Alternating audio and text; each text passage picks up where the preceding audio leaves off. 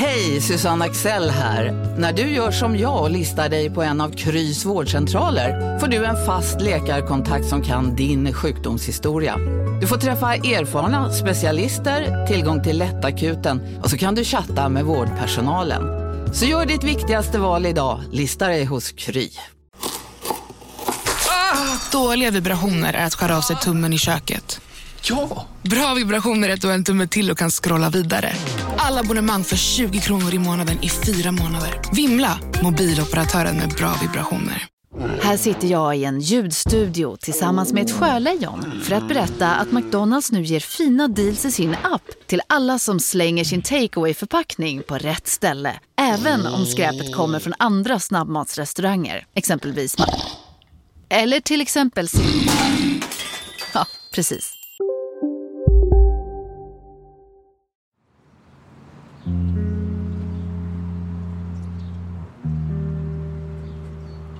Det är måndagen den 12 juni. På Mediamarks parkeringsplats i Jönköping sitter 24-årige Edvin ensam i sin bil. Dagen innan har varit med om någonting i Mantorp som han helst vill glömma. Nej, först då så kommer jag ju dit. Står och väntar en liten stund, sen då så kommer... Klockan är halv tolv och han har just smsat med sin sambo som bett honom köpa med sig bröstmjölksersättning till ett av barnen. Efter en stund kommer två män. Det är de han har väntat på. Mattias och Elias, som han kallar dem. Sen då så kommer Mattias och Elias dit. De står och pratar allmänt. Jag hör inte riktigt vad de säger, jag lägger mig inte i. När han sen kommer fram till Edvin är Mattias lugn, nästan harmonisk som Edvin senare ska beskriva det i tingsrätten. Där så får jag instruktioner om att jag ska behålla pengarna. Jag får ett sista löfte och ett sista hot. Att om jag skulle gå vidare och säga till någon eller förmedla informationen på något annat vis. Då vet de vart min familj bor, de vet vart jag är. De vet våra rutiner och de känner oss. Och även då så tog jag hotet på fullaste allvar. Enligt Edvin blir det här den sista kontakt som de tre männen har och innan de skiljs åt en sista gång räcker Mattias över en påse till honom. Det jag får tillbaka då från Mattias är en påse med pistolen, hölstret som jag hade köpt. Men även mina arbetsskor som jag hade haft liggandes i bilen. I det tillfället så reflekterade jag inte över det utan jag slängde in det i bilen och åkte därifrån. Edvin har den här måndagen sjukskrivit sig och innan han vänder hemåt går han in på Mediamarkt. Klockan 11.38 registreras ett köp på drygt 1700 kronor som betalas kontant. Jag var glad över att det var slut. Jag kunde försöka lägga det bakom mig. Jag hade en klump i magen över vad, som, vad jag hade gjort. Samvetskval över vad jag hade gjort. Och detta var innan det faktum att jag visste vad som egentligen hade hänt.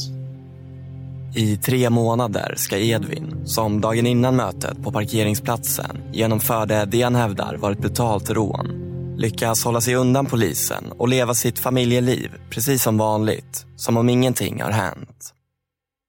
Jag heter Karl Fridsjö och du lyssnar på en mörk historia om Mantorp-morden, del 1.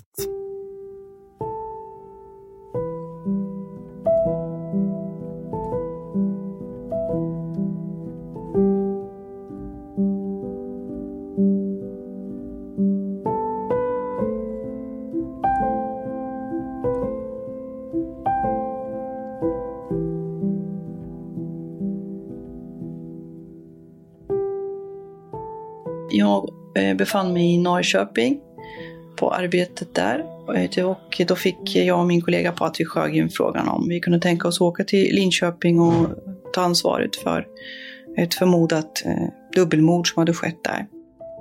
Gunilla Broman vet inte då, men när samtalet från Linköping kommer innebär det början på en lång och krävande polisutredning som ska sysselsätta henne i månader i hennes roll som utredningsledare.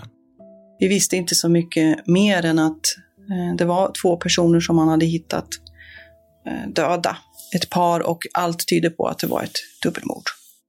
Det är ett äldre par, 62 och 70 år gamla, som hittats döda i sitt hus i Mantorp utanför Linköping. Och Gunilla tar sig till platsen för att ansvara och leda utredningen.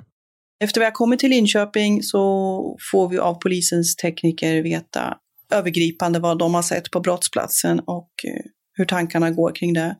Och vi vet att det är avspärrat eh, och eh, att de ska fortsätta att jobba på platsen.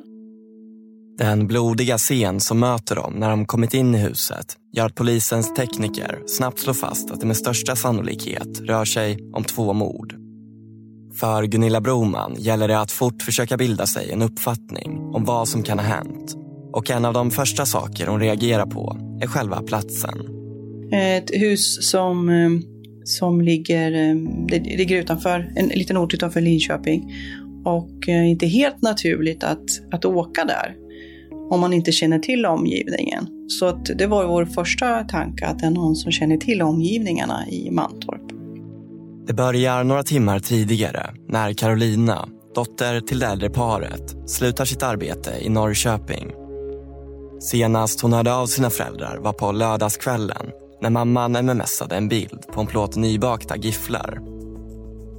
Det var snart två dygn sen och Carolina börjar bli orolig. Det kändes väldigt konstigt att hon inte svarade. Att hon inte hade svarat ens efter halv tre som hon brukar sluta om hon har jobbat förmiddag. Och då ringde jag först på mammas telefon. Eh, jag fick inget svar. Jag ringde på pappas telefon. Jag fick inget svar där heller. Och då ringde jag på hemtelefonen och jag fick inget svar där heller.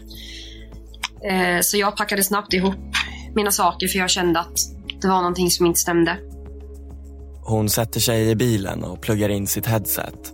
Och eh, provar att ringa igen på alla tre telefonerna och jag får inte svar på någon av dem. Och jag känner hur det börjar knyta sig i magen för det är inte likt mina föräldrar att de inte svarar. Så jag eh, sätter fart hemåt och det enda jag har i huvudet är att jag är arg och jag är rädd för att mamma och pappa inte svarar. Carolina provar igen och igen, men fortfarande inget svar. När hon nästan är framme vid Linköping slår det henne att hon fått ett missat samtal tidigare på eftermiddagen från vad hon förmodat var en telefonförsäljare. När hon ringer upp är det mammans närmaste chef som svarar. Och eh, han frågar om jag vet vart mamma är någonstans. Om jag har hört någonting från henne. Och jag svarar att nej, jag har försökt att få tag på dem hela dagen. Eh, men jag får inget svar, jag är på väg dit nu. Och då sa Ove det att eh, mamma skulle ha börjat jobbet halv tre. Och hon hade inte dykt upp. När jag passerar Linköping så ringer jag min lillebror Kalle. För att ringa och fråga om han har pratat med mamma och pappa. Eh, vilket han säger att han inte har och jag säger att jag får inte tag på dem. Kan du försöka ringa? Kalle, eller Karl-Johan, ringer i sin tur vidare till Johanna. Inte heller hon har hört av föräldrarna och precis som systern blir hon också orolig. Det är ju en orosklocka i min värld, för hon var väldigt plikttrogen. Men jag tänkte väl mer i i den stilen att det kanske har hänt någonting, en trafikolycka eller pappa till exempel kanske har ramlat. Och mamma hade ju besvär med hjärtat för ett par år sedan att det kanske är något sånt som har hänt och att de har åkt in akut men inte hunnit meddela oss barnen. Mm. Så därför ringde jag in till akuten i Linköping först men då kunde ju inte de lämna ut några uppgifter om man inte hade fullständigt personnummer. Hon kommer inte ihåg pappas fyra sista siffror och jag känner själv att jag sitter och skakar. Jag är gråtfärdig för att jag är rädd. För jag förstår inte varför mamma och pappa inte svarar. Johanna ber sin sambo Henrik att åka förbi föräldrarna på vägen hem från jobbet. Därefter är hon kvar i telefon med Carolina tills hon kommer fram till gården. Och jag vet att jag säger till Johanna att jag tyckte att bilen stod konstigt. Um, och när jag... Och när jag kommer fram till dörren så är den är stängd. Men den är olåst. Så jag öppnar dörren och går in. När Carolina kliver in i huset märker hon direkt att något är fel. Och när jag kommer in så hör jag att kökskranen står och rinner på för fullt. Jag tittar till vänster mot garaget. Jag ser att dörren står vidöppen och det lyser in i garaget. Och jag ser även stegen som står på golvet. Jag tittar rakt fram och ser att det lyser inne på toaletten och dörren står vidöppen. Och så ropar jag hallå. Eftersom att jag hör att kökskranen rinner. Och sen så vänder jag mig in till höger. Och så ser jag mamma och pappa ligger där på golvet. När jag kommer dit så står eh, Carolina utanför dörren. Eh, och eh, skriker till mig att, eh, att, de, att de ligger inne i köket och att de är, att de är tejpade. Så till slut så går jag ut. Och jag bara faller ihop på uteplatsen. Jag kliver in i köket där. Ehm. Jag ser ju omedelbart... Jag tittar på diskbänk och dylikt. Och på något sätt så, i min chock där, så förstår jag väl ändå vad, vad som kan ha hänt där inne. Jag bara kommer ihåg att det var ju så mycket blod på golvet. Och det, och det luktade så illa i köket. Jag ser ju det ligger mobiltelefon, två mobiltelefoner på diskbänken. Och sen bredvid dem på spishällen så ligger det eh, öppna plånböcker. Eh, sen eh, så...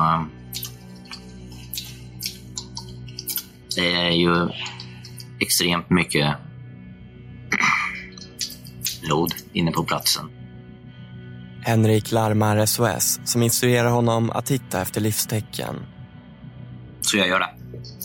Jag går eh, längs med där en radioapparat står och går. Jag går runt bordet.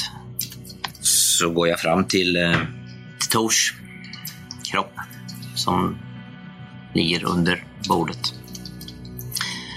Och eh, då tar jag på hans eh, huvud med mitt finger. Och eh, efter det så eh, backar jag tillbaka i samma spår som jag gick in i. Och eh, då går jag fram till Ann-Kristin som ligger på kortsidan utav bordet. Och då känner jag henne på hennes mage här på höger sida. Vi får ju kontinuerlig information av SOS på vägen ut Samtidigt har larmet nått ambulanspersonalen om att två personer befaras döda i Mantorp. Christer Karlsson. Men vi fortsätter som ett prio ett larm alltså att vi eh, åker ut med, med avsikt att och, och rädda så att säga. Va? Carolina är ju utanför och eh, jag försöker ju att inte hon ska komma in i huset igen. Så att säger till henne att hon ska stanna där utanför så att hjälp är på väg. Så kommer han ut igen och så sätter han upp handen och säger att jag får inte komma in. Du får inte komma in Carro, säger han till mig. Sen hör jag ju att det är sirenerna, att de är på väg. Tjejen på plats utanför huset är ju bedrövad, chockad. Eh, man kan väl ändå beskriva att, att, att hennes föräldrar finns där inne i i köket inne i huset. Den ena tar hand om Carolina och den andra kommer till mig i hallen. Och då säger jag till honom att, att det inte finns någonting, att det inte går att rädda dem. Det finns ingenting att göra här inne. Men han går in i köket naturligtvis, för det måste han göra. Man kan ju med, med grova mått mätt, bara av synen som finns där så förstår jag att det inte finns mycket för oss att göra. Så jag kan ganska snabbt konstatera att, att det är inget för oss att göra rent medicinskt eller vårdmässigt på plats.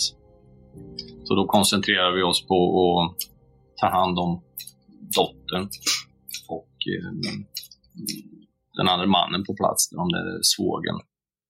Ett par minuter senare anländer de första poliserna till gården.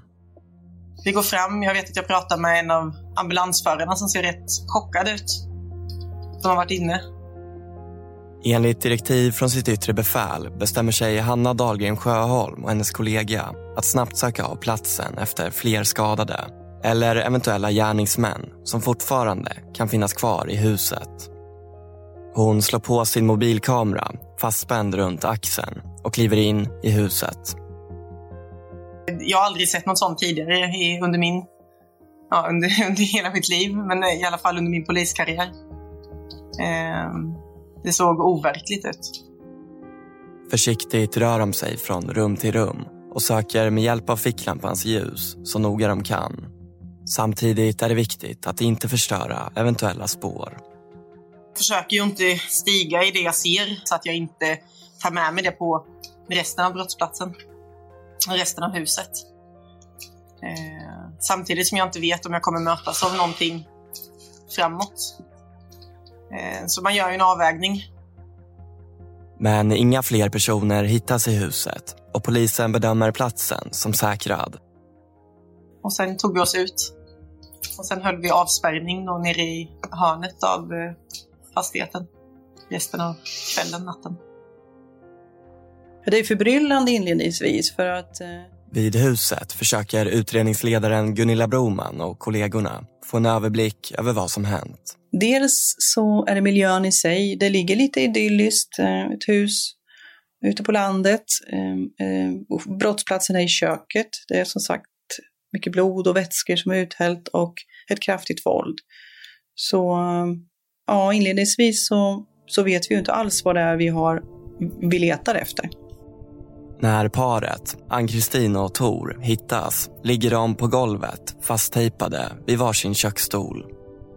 De har fått halsarna avskurna och flera lager tejp täcker deras huvuden och munnar. Men det som vid en första anblick liknar två brutala rånmord visar sig snart avvika från hur brottsplatser brukar se ut vid den typen av brott. Vi hittade inga, inga tecken på att det var genomsökt, att eh, pengar eller mediciner och liknande saknades. Det, det fanns kvar. Eh, var lite förbryllande för att eh, man kan tänka sig om man begår en sån här våldshandling, om man är ute efter någonting så kanske man söker igenom huset. Det finns ju olika typer av tillvägagångssätt eller modus som är på det viset som vi har sett tidigare i Sverige. Att, att man eh, Eh, letar specifikt efter något och sen har det blivit någon form av våld eller övervåld. Som i det här fallet. Det blir viktigt att snabbt samordna resurserna och börja informationsinhämtningen. De vet att tiden är knapp. Gärningsmannen eller männen är fortfarande på fri fot. Med tanke på vad teknikerna hade berättat och eh, om brottsplatsen så förstod vi att gärningsmannen hade ett försprång, att det hade skett eh, något dygn innan. Vi visste också att anhöriga hade, vi visste en tid, ungefärlig tid när anhöriga var i kontakt med, eh, med sina föräldrar. Så vi, hade, vi förstod att vi, vi låg efter helt enkelt. Det, det finns ju en skyndsamhetsaspekt också, att vi vill ju hitta gärningsmannen så fort som möjligt för att undvika att man ger sig på någon annan person och allra värst skulle mörda någon fler person. Förbryllande. Det är ett ord som Gunilla Broman återkommer till när de beskriver utredningens första skeden. De vet inte vad det är de letar efter och frånsett viss teknisk bevisning som tagits in för analys har polisen inte mycket att gå på. De hämtar in information och håller en mängd förhör i hopp om att hitta uppgifter som kan leda dem till den eller de som utfört morden men utan att bilden klarnar.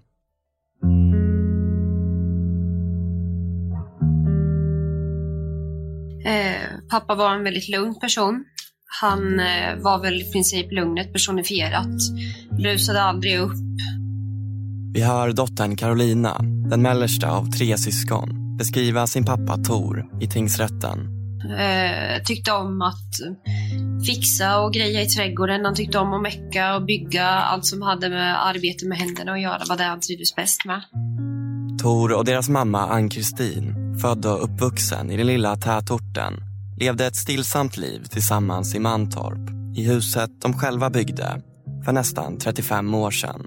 Så att vi är alla tre uppvuxna i det här huset på båda sidor, både på mammas sida och pappas sida, så är vi ju väldigt nära i relationsmässigt sett. Att det har alltid varit ett väldigt öppet och varmt och välkomnande hem där alla har varit välkomna.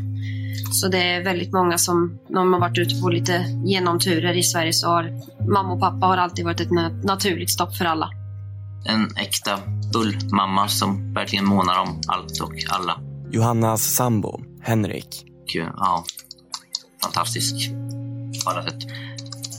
Tor, eh, också en underbar människa. Kanske den snällaste jag någonsin har träffat. Eh, vi delar samma intresse. Vi är intresserade av bilar och motorcyklar och, och sådana där leksaker som killar kan tycka om. Eh, alltid, ställde alltid upp på vad man än bad om. De kunde väldigt mycket. Och, eh, två oerhört fantastiska människor. Ann-Kristin var sedan unga år engagerad i föreningslivet runt Mantorp IF och under handbollssäsongen syntes hon ofta på söndagsmatcherna. Men på senare år var det åt barnbarnen som hon ägnade mycket tid. De var ofta barnvakt. De gillade att vara med barnen. Johanna, den äldsta systern, Bara på Storytel. En natt i maj 1973 blir en kvinna brutalt mördad på en mörk gångväg. Lyssna på första delen i min nya ljudserie. Hennes sista steg av mig, Denise Rubberg. Inspirerad av verkliga händelser. Bara på Storytel. Om en yogamatta är på väg till dig, som gör att du för första gången hittar ditt inre lugn och gör dig befordrad på jobbet men du tackar nej för du drivs inte längre av prestation. Då finns det flera smarta sätt att beställa hem din yogamatta på. Som till våra paketboxar till exempel. Hälsningar Postnord. Välkomna sommaren med att... Res med Stena Line i sommar och gör det mesta av din semester. Ta bilen till Danmark, Tyskland, Lettland, Polen och resten av Europa. Se alla våra destinationer och boka nu på stenaline.se. Välkommen ombord!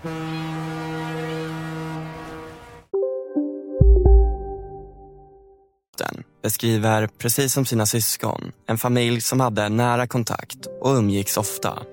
Mamma hämtade ibland på dagis och skolan. Och så minst en gång i veckan, även om vi inte träffades, så, så hördes vi per telefon eller så. Vi eh, hade lite planeringar inför min dotters första skolavslutning som skulle vara fredagen efter.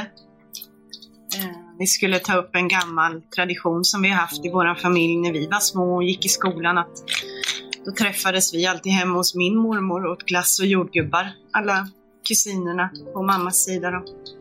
Efter skolavslutningen. Men varken Tor eller Ann-Kristin får uppleva sitt barnbarns skolavslutning. Och ingen förstår varför. Att någonting sånt här skulle hända Tor och Ann-Kristin är obegripligt. Mamma och pappa var världens snällaste människor. De skulle aldrig göra någonting mot någon annan De skulle kunna göra att någon gjorde så här mot dem. Jag förstår inte hur man kan göra så här mot dem.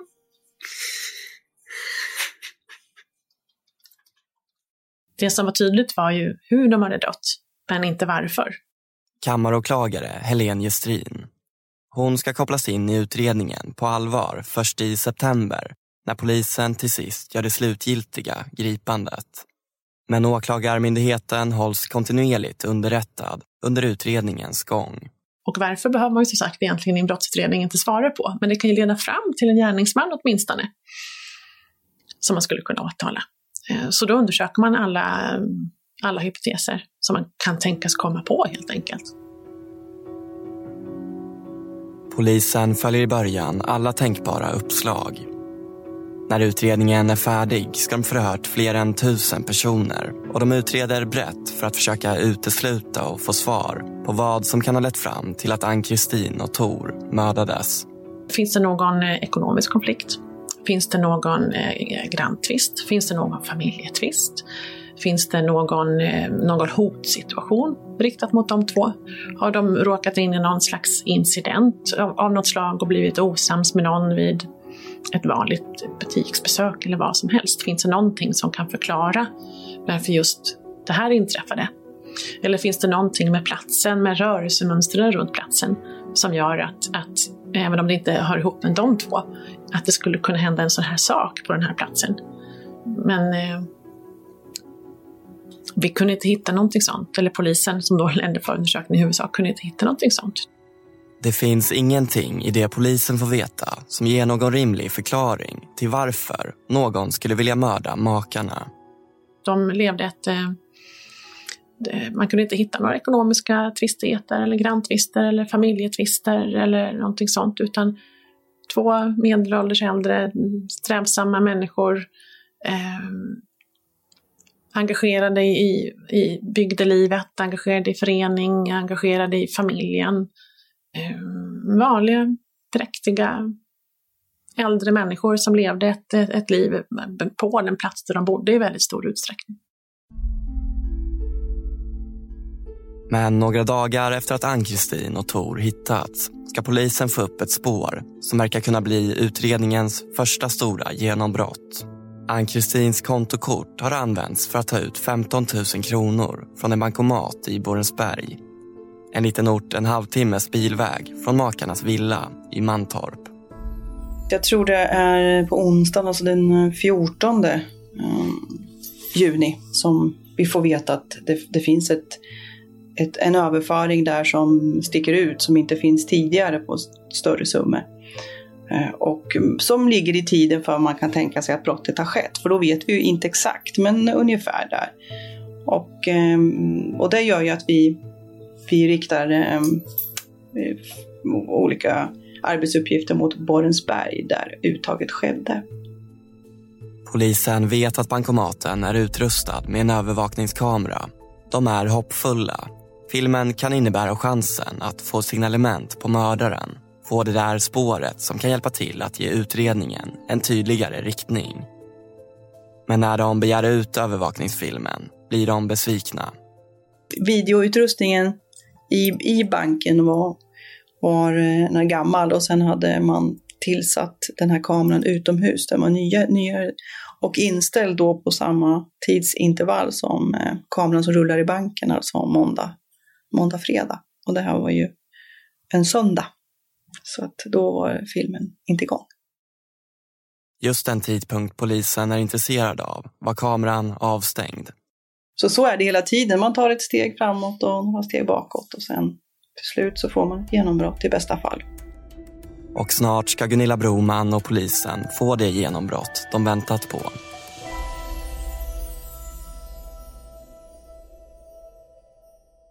NFC, Nationellt forensiskt centrum, har lyckats säkra DNA-spår från Tors ena byxben.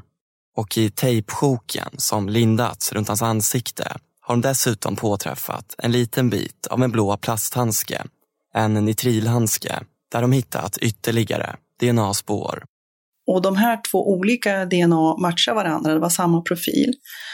Eh, och det utgjorde graden plus fyra som man säger, ett stark, en starkare graden.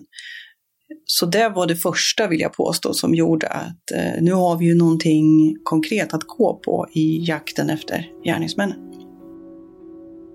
Upptäckten innebär att det äntligen finns någonting handfast att ha som utgångspunkt i jakten på mördaren. Men polisen kan inte se vem DNA-spåren tillhör, bara att de kommer från en och samma person. Det i kombination med att man inte heller hittat någon tydlig motivbild tvingar polisen att arbeta brett och försöka utesluta så många personer som möjligt. P4 Östergötland. Över 300 topsningar har genomförts i sommar för att säkra DNA hittills utan någon matchning mot en tänkbar förövare. Eftersom det rör sig om ett så grovt brott tas beslut att DNA-topsa uppemot 1500 personer som valts ut från olika kriterier. Till exempel personer vars mobiltelefoner vid intressanta tidpunkter kopplat upp mot master i närheten av parets hus eller vid bankomaten i Borensberg. Ytterligare 1200 topsningar återstår och för det 20-tal poliser som idag arbetar med utredningen väntar en tidskrävande arbetsuppgift. Samtidigt hoppas Gunilla Broman att polisen med hjälp av fynden från brottsplatsen successivt ska kunna smalna av gruppen. Och som sagt, det är ju massor med olika utredningsåtgärder som man gör utifrån den brottsplats man har. Och i det här fallet så, så visste vi om att det fanns tejp som används vid brottet. Att man har tejpat offren med dels som man kallar det silvertejp i vardagstal och sen en svart PVC-tejp. Och eh, de två i sig är ju inte särskilt unika tejperna utan det kan ju ha varit så att tejperna har funnits på brottsplatsen. Men den stora mängden tejp, både Ann-Kristin och Tor blev tejpade i flera lager, gör att polisen ändå utgår från att gärningsmannen förmodligen hade med sig egen tejp till huset. Och kanske kan den leda dem rätt i jakten på gärningsmannen. Ja, vi började i varje fall att tänka att vi måste ju titta på lite olika typer av kombinationer av tejper, vad som finns. Och då fick vi klart för oss att det finns väldigt mycket olika typer av silvertejp. Vi fick in massor med tips om tänkbar silvertejp och vart det kan handlas. Utöver tejpen, som Gunilla Broman och polisen nu gör allt för att försöka spåra, finns det annat på brottsplatsen som de hoppas ska kunna föra dem till mördaren. Två skoavtryck. Det ena är avsatt i damm på vardagsrumsgolvet det andra på köksgolvet, i kletet från de vätskor, sprit, svartvinbärssaft, tvättmedel och annat som hällts över Ann-Kristin och Tors kroppar efter morden. Avtrycken, ska det visa sig, kommer från ett par arbetsskor i storlek 47. Så jag går vidare med mitt liv. Jag försöker förtränga det, försöker förtrycka det. Det finns inte så mycket mer saker jag kan göra åt det. Så jag försöker hantera det så bäst jag kan. Under tiden polisen utreder de få spår de har att gå på fortsätter Edvin att leva sitt liv som vanligt. Han brottas med skuldkänslor över det han gjort. Men det är först när han läser tidningen som han inser allvaret i situationen. Sen då så läser jag på tisdagen på Aftonbladet vad som egentligen har hänt. Jag kan inte beskriva den känslan riktigt när man får reda på vad ens val och handlingar har lett till.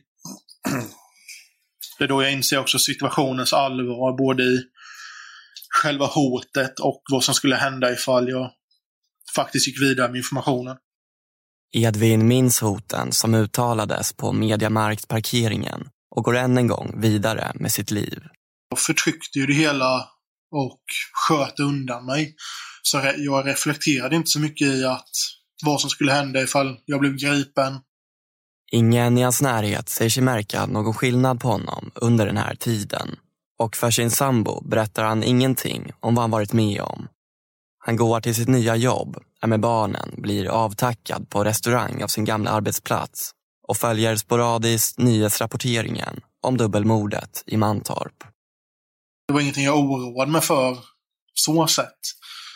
För även fast jag följde utvecklingen liknande så var det ingenting som jag jag tror att det smidigaste sättet att förklara det på är att jag sköt undan så pass mycket att jag nästan sköt undan hela händelsen från mig själv som om det vore att jag inte hade varit där så att säga. Men snart kommer polisens grundliga utredning peka rakt mot honom som gärningsman och Edvin ska få svårt att fortsätta skjuta händelsen ifrån sig.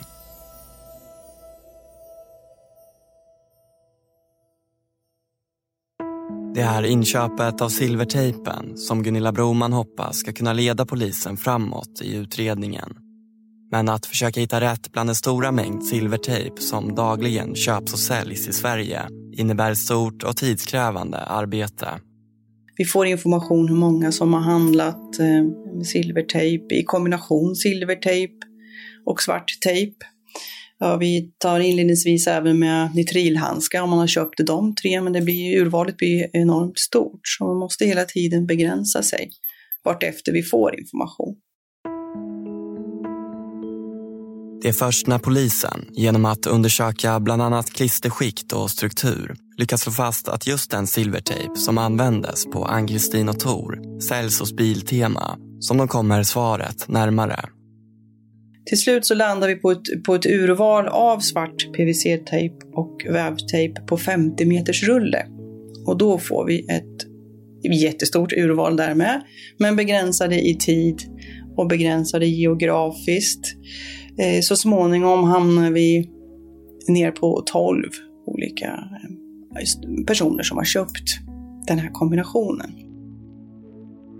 Månader av detektivarbete har till slut kokat ner urvalet till en lista på 12 personer som alla har inhandlat den här specifika kombinationen av tejp hos återförsäljare nära brottsplatsen. Eh, då bestämmer vi oss för att vi börjar med de 12 att genomföra förhör och topsa om det behövs. Det är september och tre månader har gått sedan Ann-Kristin och Tor hittades mördade i sin villa i Mantorp när Gunilla Broman och polisen börjar ta kontakt med de tolv personerna på listan. Om man ser det så sett, alltså jag blev ju orolig när de ringde första gången så att säga. Det var ju då jag insåg att det finns en sannolikhet att de kommer gripa mig. Det fjärde samtalet som polisen ringer går till Edvin. Han får veta att de utreder ett grovt brott och vill ställa frågor till honom angående några inköp han gjort. De bestämmer att de ska mötas utanför hans jobb under frukostrasten. Och då hade jag ju två alternativ. Då antingen stanna kvar och vänta på ifall de griper mig. Eller då sticka, försöka rymma, leva, leva mm, ta mig någon annanstans. Och då kom jag fram till att det bästa sättet att hantera det var på att vänta, se vad som händer. Den 13 september är första, men långt ifrån sista gången som Edvin förhörs av polisen. Han säger då att han köpt tejpen för att laga en lampa och en leksaksspis åt sina barn. Om söndagen den 11 juni, dagen då Ann-Kristin och Tor mördades, berättar han att han efter ett stort bråk med sin sambo blir så arg att han kastar sig i bilen och sen kör planlöst i 20 timmar. Han kan inte svara på exakt hur han åkte, men han vet att han kom halvvägs till Sundsvall. Det var ju en eh, slags panikuppgift från mig så att säga när polisen kom och förhörde mig. Det var ju någonting jag slängde ut mig för att bara ha någonting att säga egentligen om vart jag hade varit och när, när de ställde frågorna så att säga. Men att Edvin ljuger för polisen den här morgonen ska inte hjälpa honom att undgå fler frågor. Ja, det kändes eh, eh fantastiskt den morgonen vi fick besked från, från NFC att det hade blivit en träff. Provresultatet från topsningen visar att det är Edvins DNA som polisen hittat på brottsplatsen. Och i samband med det beskedet får Gunilla och polisen svar på ytterligare en fråga som jäckat dem i månader. DNA från gärningsmannen matchade eh, det DNA som fanns på brottsplatsen och samtidigt så fick vi även svar att samma gärningsman hade kvitterat ut ett par arbetsskor med den här skostorleken. Så det var ju två saker som skedde samma dag som gjorde att det blev ju eh, starka misstankar. Ja, han grips ju så fort vi har fått DNA-svaren och blir häktad efter ett par dagar. Det är den 15 september, två dagar efter hans förhör med polisen utanför arbetsplatsen, som Edvin slutligen kan gripas och åklagaren Helene Gestrin tar en mer aktiv roll i utredningen. För att när, när det inträffar att vi identifierar misstänkt, då börjar mordutredningen om lite grann. För då måste mordutredningen ses på ur perspektivet eh, att han just är misstänkt och vad han har gjort den helgen eller inte gjort och hur, hur, hans koppling till paret ser ut eller inte ser ut och hur hans liv i stort sett ut, vad det kan finnas för drivkraft eller inte.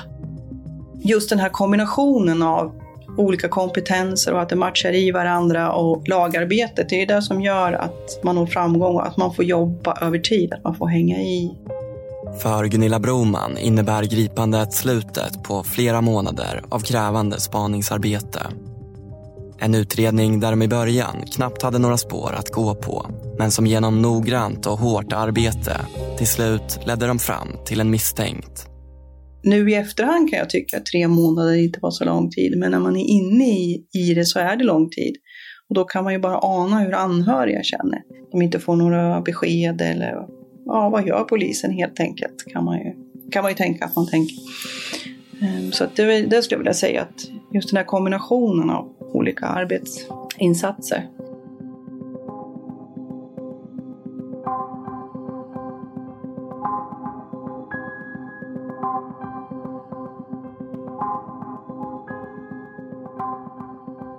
Men utredningen är långt ifrån över. När Edvin grips framstår han inte som den typiska våldsverkaren. Men det ska snart komma fram uppgifter om hans bakgrund som ger en helt annan bild. Och polis och åklagare har många frågor de vill ha svar på. Men Edvin ska fortsätta att ljuga i förhören.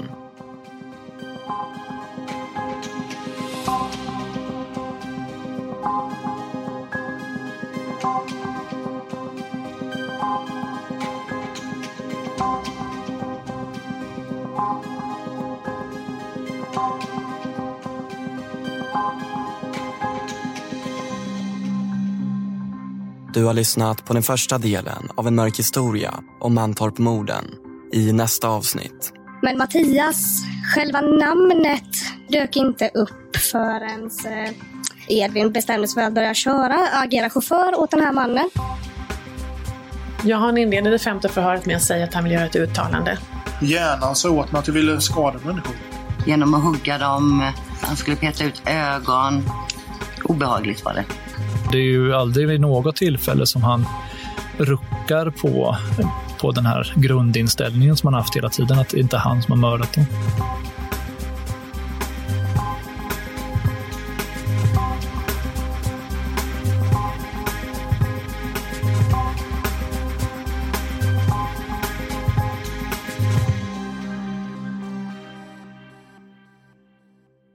Glöm inte att prenumerera i din podcastapp eller följa oss i sociala medier.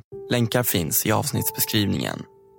En mörk historia är producerat av Joel Silberstein Hont och av mig, Karl Fridsjö. Musiken kommer från Epidemic Sound. Tack för att du lyssnat.